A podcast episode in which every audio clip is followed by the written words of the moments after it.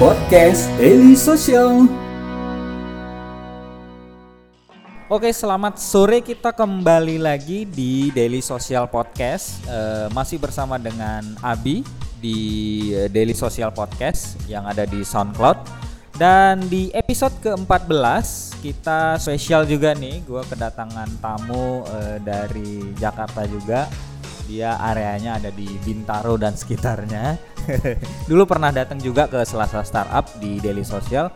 Dan tanpa berlama-lama sudah hadir juga eh, Bang Win panggilannya. Iya. Bang Win, apa kabar Bang? Baik, Abi. Sehat Bang ya? Alhamdulillah. Di episode ke-14 kita akan membahas eh, bagaimana digital content itu untuk sebuah produk. Jadi eh, Bang Win ini kan ya bisa dibilang pakar lah ya dalam digital content dan sebagai digital content creator juga untuk saat ini. Eh, jadi gini Bang, tanyaan pertama nih Bang. Ya, gimana? Aku pengen eh, tanya ke Abang, mengapa harus ada digital content? Bukannya sistem konvensional ini masih bisa lah untuk dijalani sampai saat ini? Ya, jadi gini sebetulnya digital content itu muncul karena adanya media digital yang yang yang merebak sekarang. Jadi eh, kalau kita lihat kelahiran generasi milenial sekarang itu kan sangat dipengaruhi oleh eh, apa namanya medium-medium eh, digital yang kalau kalau saya nyebutnya online ya.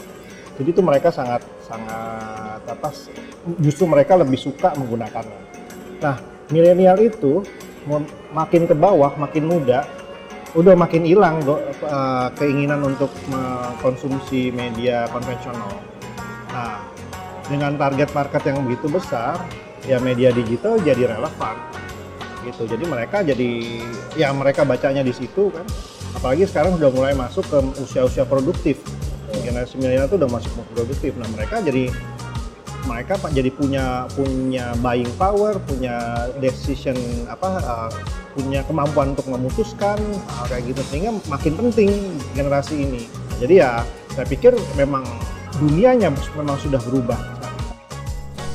Dan dan memang harus eh, ngikutin kita ya, karena Iya. digital content berkembang banget ya. Iya betul. Jadi nggak ada tuh ada yang pernah yang bilang wah itu mah cuman akan akan paling musiman. Iya. ya. Tapi sebetulnya enggak, itu nggak akan musiman. Kenapa? Ini karena satu generasi yang yang yang yang mengadopsi tersebut. Dia nggak akan balik. Nah itu generasi barunya anak-anaknya milenial itu ya pasti ikutan ikutan jadi uh, kita nyebutnya digital uh, digital nature ya. Jadi yang lahir sudah sudah digital semua, udah nggak ada lagi yang Karena konvensional. perkembangan digital juga nggak balik ke zaman dulu. Pasti Enggak, akan nggak bakal balik lagi. terus. Iya. Kita bisa lihat banyak sekali tuh media-media konvensional yang sekarang yang sudah mulai kolaps. Kemudian mereka kalau tidak pindah ke dunia digital, yang mereka ya akan tinggal nama aja. Nah, jadi ya memang memang sudah saatnya memang kita pindah ke media digital. Gitu. berkaitan dengan digital content nih. Kenapa digital content ini sangat diminati? Jadi gini, karena orang-orang penikmatnya sendiri atau eh, ya eh, konsumernya sendiri itu memang merasakan kemudahan dalam men- apa, mengkonsumsi digital content lewat digital media yang sekarang ada. Dan mereka sebelum sebelum digital content itu populer, mereka sudah ma- main di situ. Kita ambil contoh zaman dulu yang sekarang mungkin udah nggak terlalu populer. Facebook misalnya zaman dulu awal-awalnya digital uh, social media masuk. Itu semua masuk ke situ. Sebelum akhirnya pindah ke media-media yang lain ya. Sekarang ada Instagram, apa dulu pernah ada Snapchat yang sangat populer, akhirnya dimasuk. Jadi berkembang terus dan mereka sudah tidak mau keluar lagi dari area situ. Kaitannya dengan digital content creator, Bang. Apakah eh, karena memang dunia digital saat ini berkembang sehingga muncullah kreator-kreator baru untuk ya mungkin produknya mereka atau produknya orang gitu. Menurut Bang Win gimana, Bang? Ya, itu profesi, itu saya bilang profesi iya. sekarang. Karena Oke. zaman dulu itu udah nggak ada lagi. Nggak ada. Jadi ada orang yang mengklaim diri mereka adalah, oh ya saya digital, uh, digital apa uh, media uh, apa kreator. Itu sekarang sudah mulai ada. Zaman dulu diawali dari zaman popul, uh, mulai populernya uh, video di YouTube. Dulu kita tidak menyebut mereka nyebutnya vlog kan zaman dulu, vlogger. zaman dulu ada blogger juga. Yang blogger tuh zaman dulu ada cuma iseng-iseng aja kan. Oh saya pengen nulis kayak gitu. Mulai lama-lama karena memang popularitas digital media ini apa naik brand mulai ngelihat bahwa oh ternyata ini jadi sasaran perhatian. Sehingga mulailah brand itu mendekati para kreator-kreator ini yang tadinya bukan Korea kreator. Jadi ya udah di boleh nggak saya endorse gitu? Ataupun uh, saya bayar untuk bikin konten buat saya misalnya. Nah itu terus menerus terjadi dan mulai banyak orang yang tahu. Dan terjadilah itu yang namanya istilahnya digital apa namanya uh, digital kreator tadi. Sampai sekarang itu masih dicari bang untuk beberapa brand yang mungkin Masih. bisa disebut influencer kali ya? Iya betul. Jadi konten kreator itu memang digital konten kreator itu memang memang memang nyari dan sekarang banyak sekali kan yang jadi yang, yang mencoba untuk menjadi digital konten kreator dan cuman hanya yang yang memang dianggap pas dengan brand tersebut lah yang akan Mungkin tadinya iseng bang Mungkin mereka, iseng, mereka itu. kan kelihatan keren ini memang salah satu budaya anak-anak muda sekarang sih sebetulnya ingin tampil ya nah tampil dan terekspos besar. Nah, itu cocok dengan apa yang apa yang diinginkan oleh media. Eh sorry brand ya. Brand kan dulu zaman dulu kan beriklan di TV kan untuk mencari exposure kan. Ya. Sama. Dia mengendorse ataupun mendekati konten kreator karena ingin dapat exposure juga. Kira-kira begitu.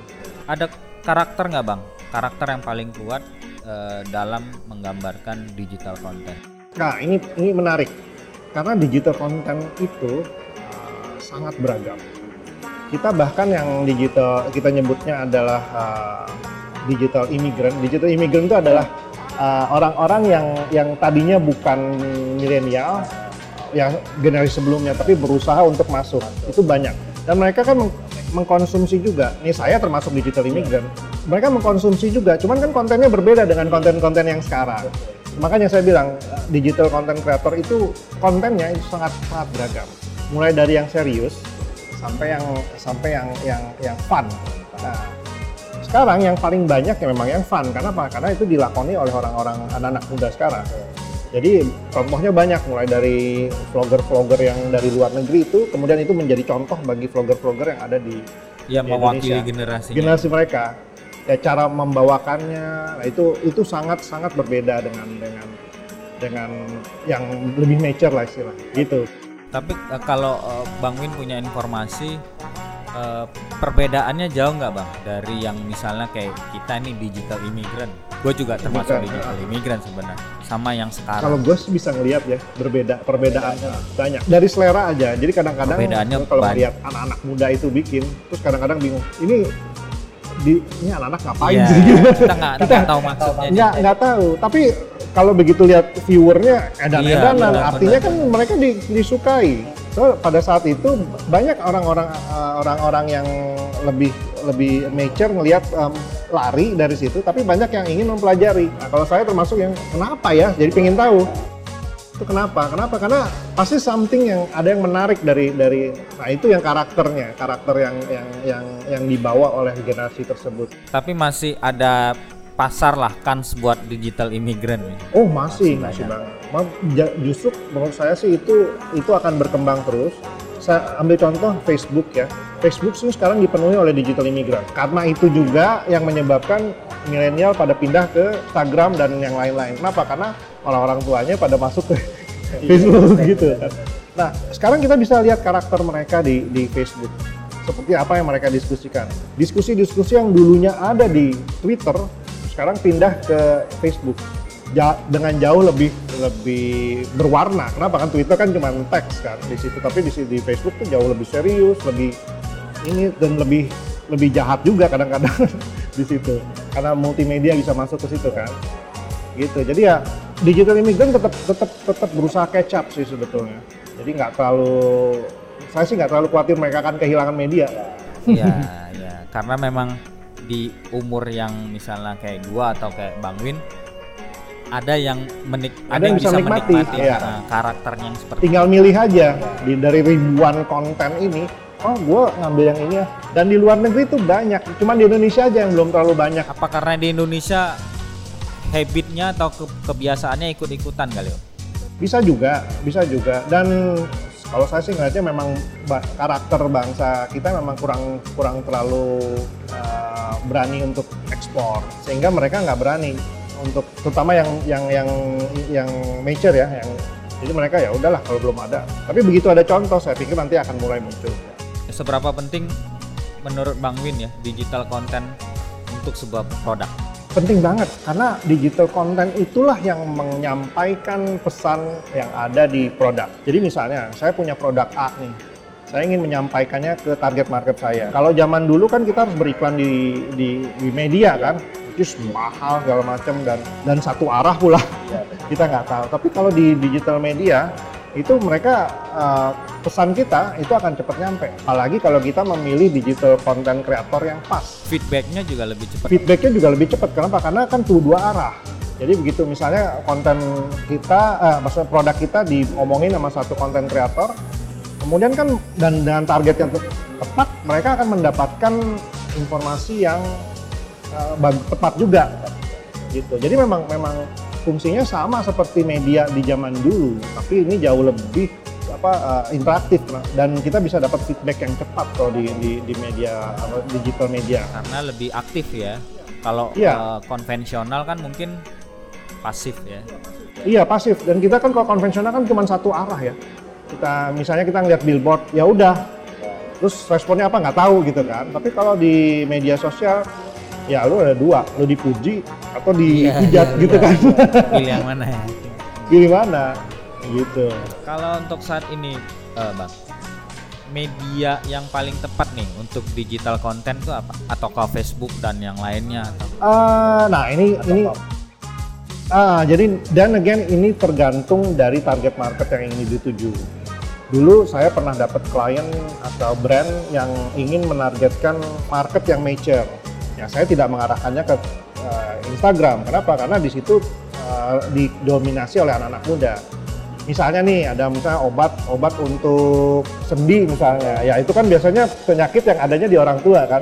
Jadi saya arahkan ke Facebook. ya. terbalik lagi ke si brand itu ya si Iya, si brand jadi tergantung dari karakter si, si produknya nantinya. Jadi saya juga biasanya tidak selalu menyarankan, oke hajar semua media sosial dia, nah itu saya nggak tidak terlalu maju, Iya, karena nggak efektif. target marketnya random ya.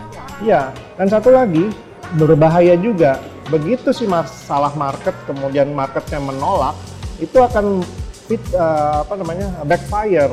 Nah itu yang yang yang berbahaya. Hati-hati juga. Jadi memang harus dipikirkan kalau. Nah eh, karena saking gampangnya mendapatkan feedback, ini saya mau bicara feedback itu baik dan buruk ya. Makanya kita harus hati-hati. Beda sama eh, media-media cetak atau konvensional yang lain ya. Ya kalau enggak ya kalau enggak enggak enggak apa berkenan feedbacknya ya nanti gitu. Kita belum nggak langsung sekarang. Tapi kalau media apa media digital media itu langsung. Nah itu yang harus harus di- di- diketahui oleh para brand. Ada etika khusus nggak untuk sebuah digital content? Ada.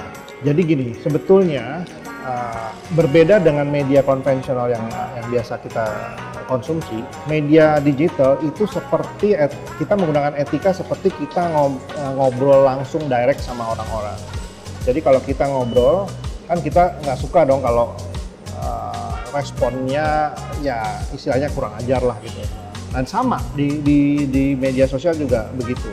Tapi problemnya banyak yang yang ngerasa bahwa media sosial itu adalah media yang bebas. Nah, jadi saya biasanya juga menyarankan orang-orang expected harus banyak orang harus di situ, banyak orang yang yang sembarangan di situ. Jadi jangan terlalu cepat bete karena memang banyak orang yang seperti itu.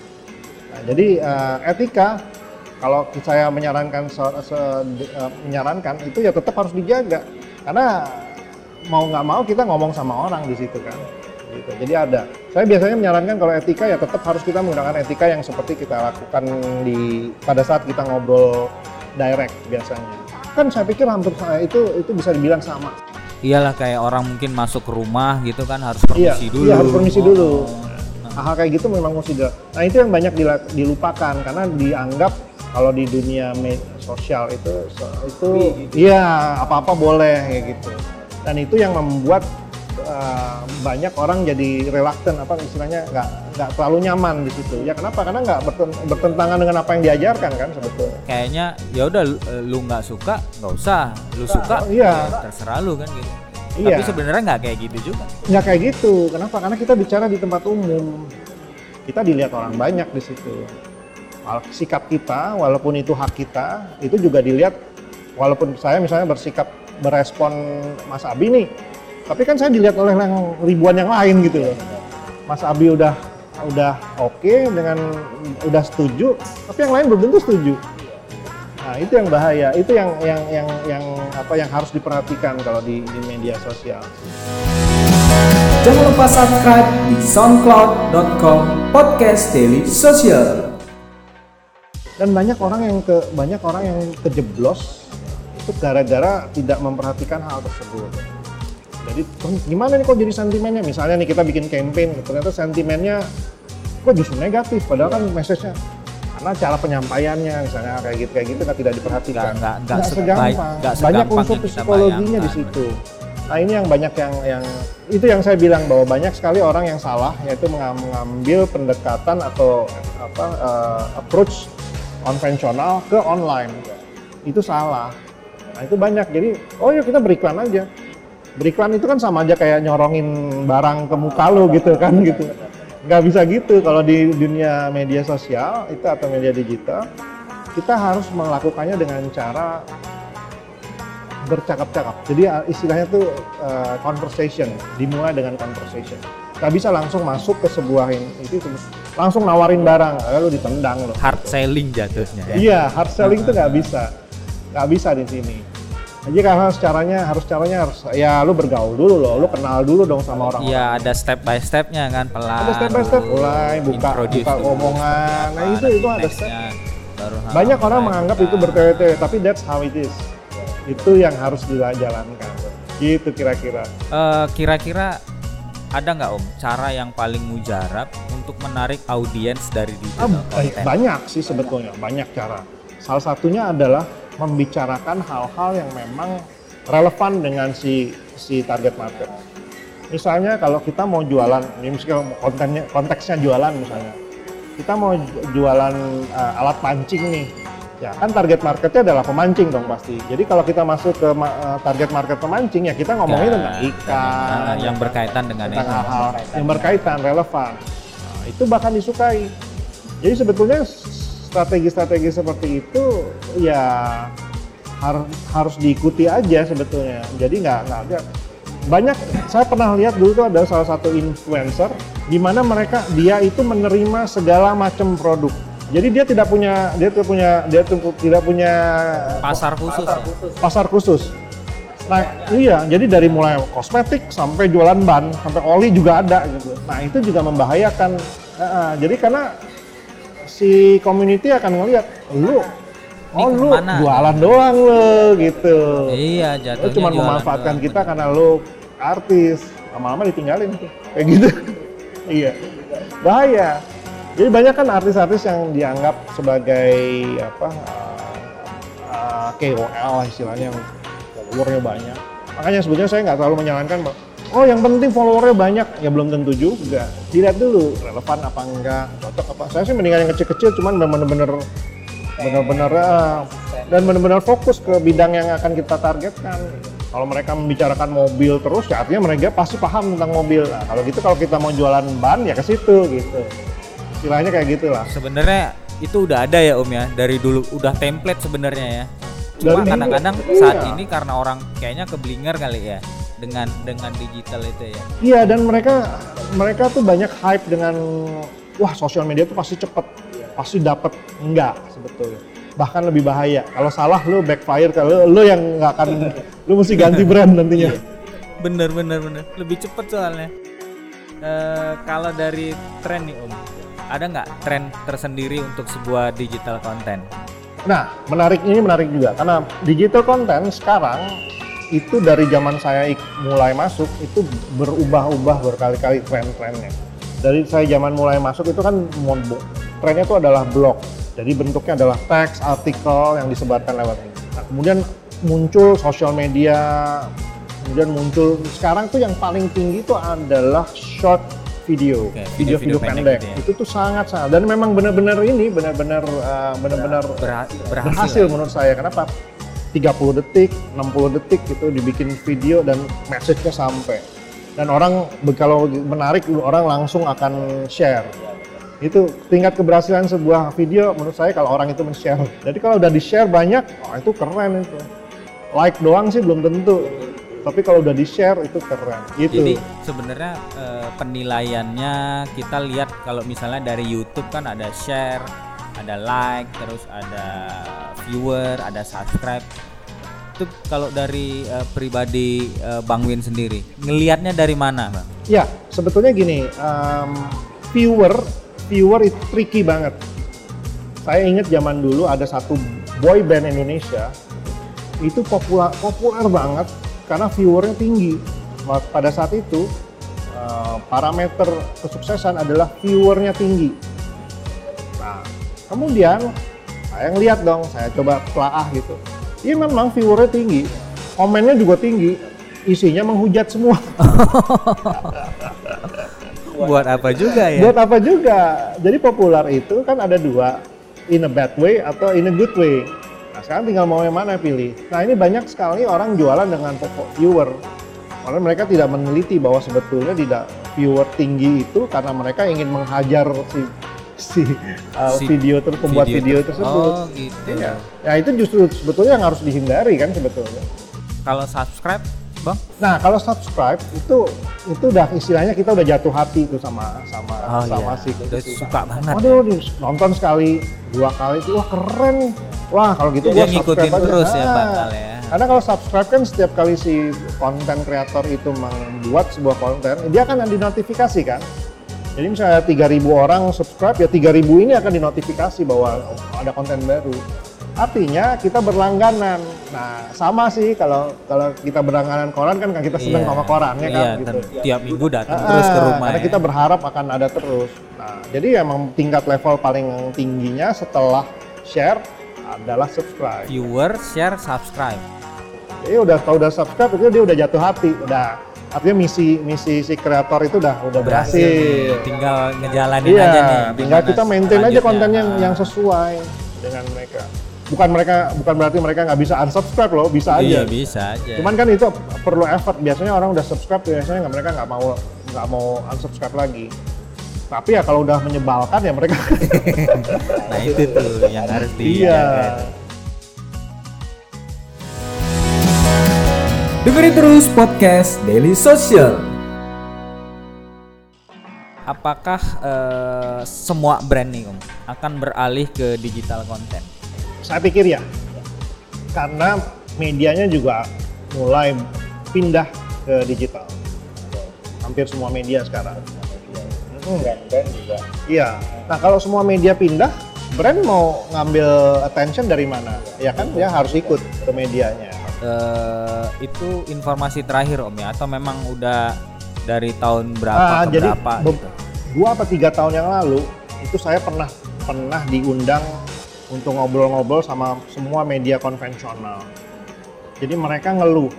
Kenapa? Karena oplahnya makin makin turun. Bahkan mereka karena gini, kalau media konvensional itu uh, bisnisnya itu dijalankan berdasarkan oplah. Makin tinggi oplah, makin banyak orang ber- beriklan. Kalau makin rata ya enggak gitu kan gitu. Jadi mereka udah mulai gimana caranya? Gimana caranya? Jadi sekarang kalau uh, Mas Abi tanya ke beberapa media konvensional, saya udah bisa menduga mereka uh, gimana kondisinya sekarang. Jadi banyak yang flat. Jadi saya nggak bilang turun ya, tapi flat aja, mulai flat gitu. Flat itu kan artinya nggak nggak berkembang kan. Tapi yang collapse juga banyak. Nah itu kayak kalau kita tahu kalau kolaps banyak banget sebetulnya. Bahkan media-media gede di luar negeri juga banyak yang tutup gitu kan. Nah eh, itu kenapa? Ya karena memang orang udah mulai tidak mengkonsumsi berita dari situ. Karena kadang digital content ini susah dikejar juga ya, Bang ya. Iya dan, dan cepet banget. Makanya sebetulnya eh, dulu tuh saya pada saat ketemu ketemuan itu saya bilang kalian walaupun mereka kalian walaupun belum menut, belum masih di media konvensional mere- bikinlah kayak satelit lah istilahnya yang yang merefleksikan apa yang kalian lakukan di sini sehingga pada saat ini tutup ini ada gitu jadi masih ada tetap investasinya bisa tetap dialihkan ke situ Jangan terlalu jumawah ya. Jumawah udahlah Iya. gua bertahan di sini bakal ini terus tau-taunya ada Oh. yang versi digital mereka nggak ngikutin hancur bener. Iya. Iya, jadi memang memang yang kalau memang masih masih hidup dari yang konvensional ya nggak apa-apa, tapi ya ini jangan Jangan diabaikan. tidak pindah gitu, jangan diabaikan betul.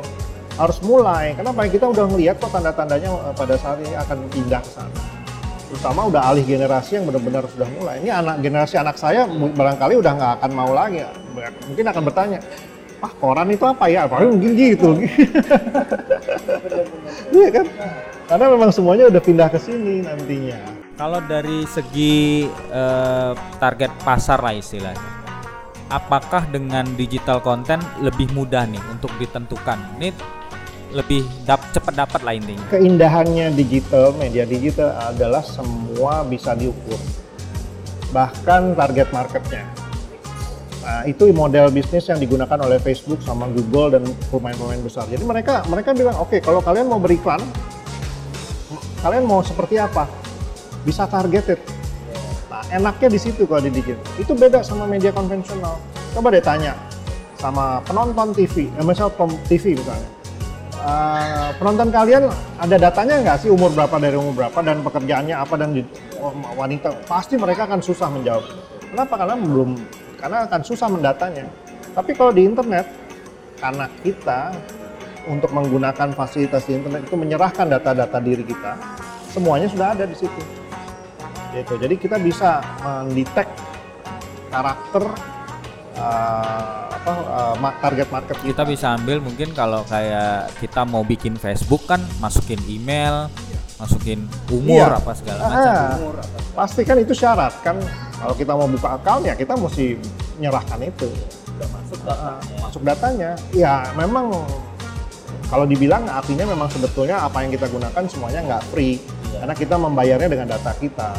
Kita buka Gmail kan data kita masuk sama Gmail dipakai deh. Gitu. Sama Google. Gitu.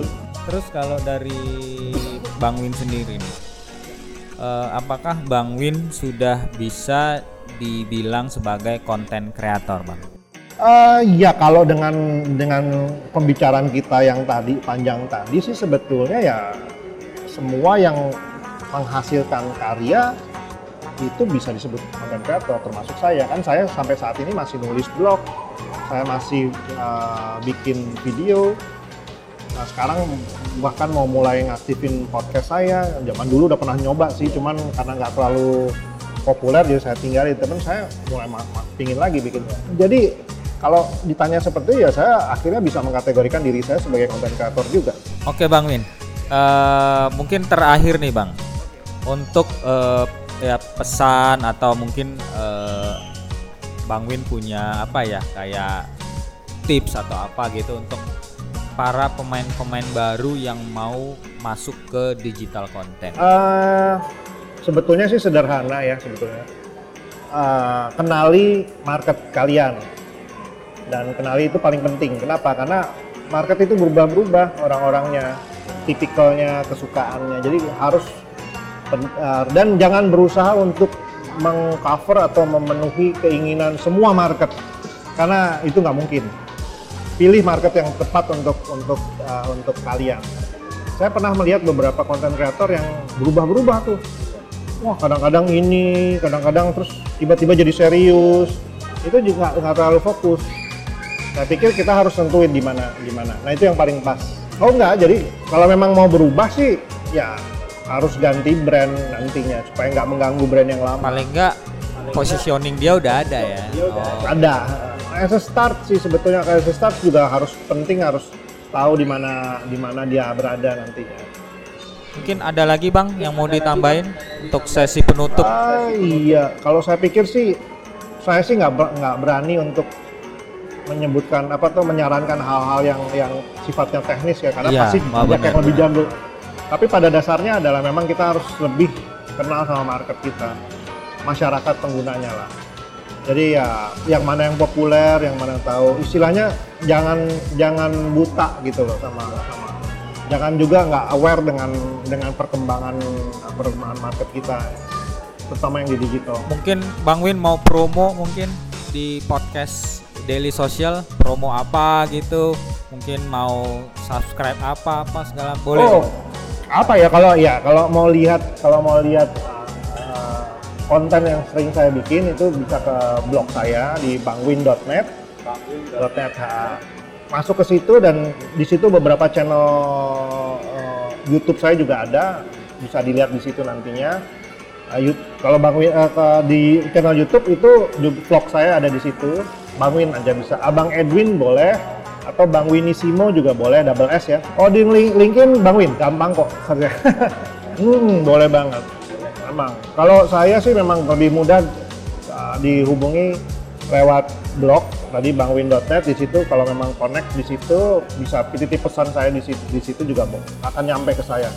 Bang, thank you ya udah mau Sama-sama ngobrol seneng di banget bisa diundang ngobrol di Nah, podcastnya Daily Social. mungkin mungkin ada materi lain mungkin nanti kita Boleh, bisa ngobrol anytime. lagi. Yang kira-kira cocok dan bisa berguna dengan bagi pendengar podcastnya Daily Social, anytime bisa kontak saya.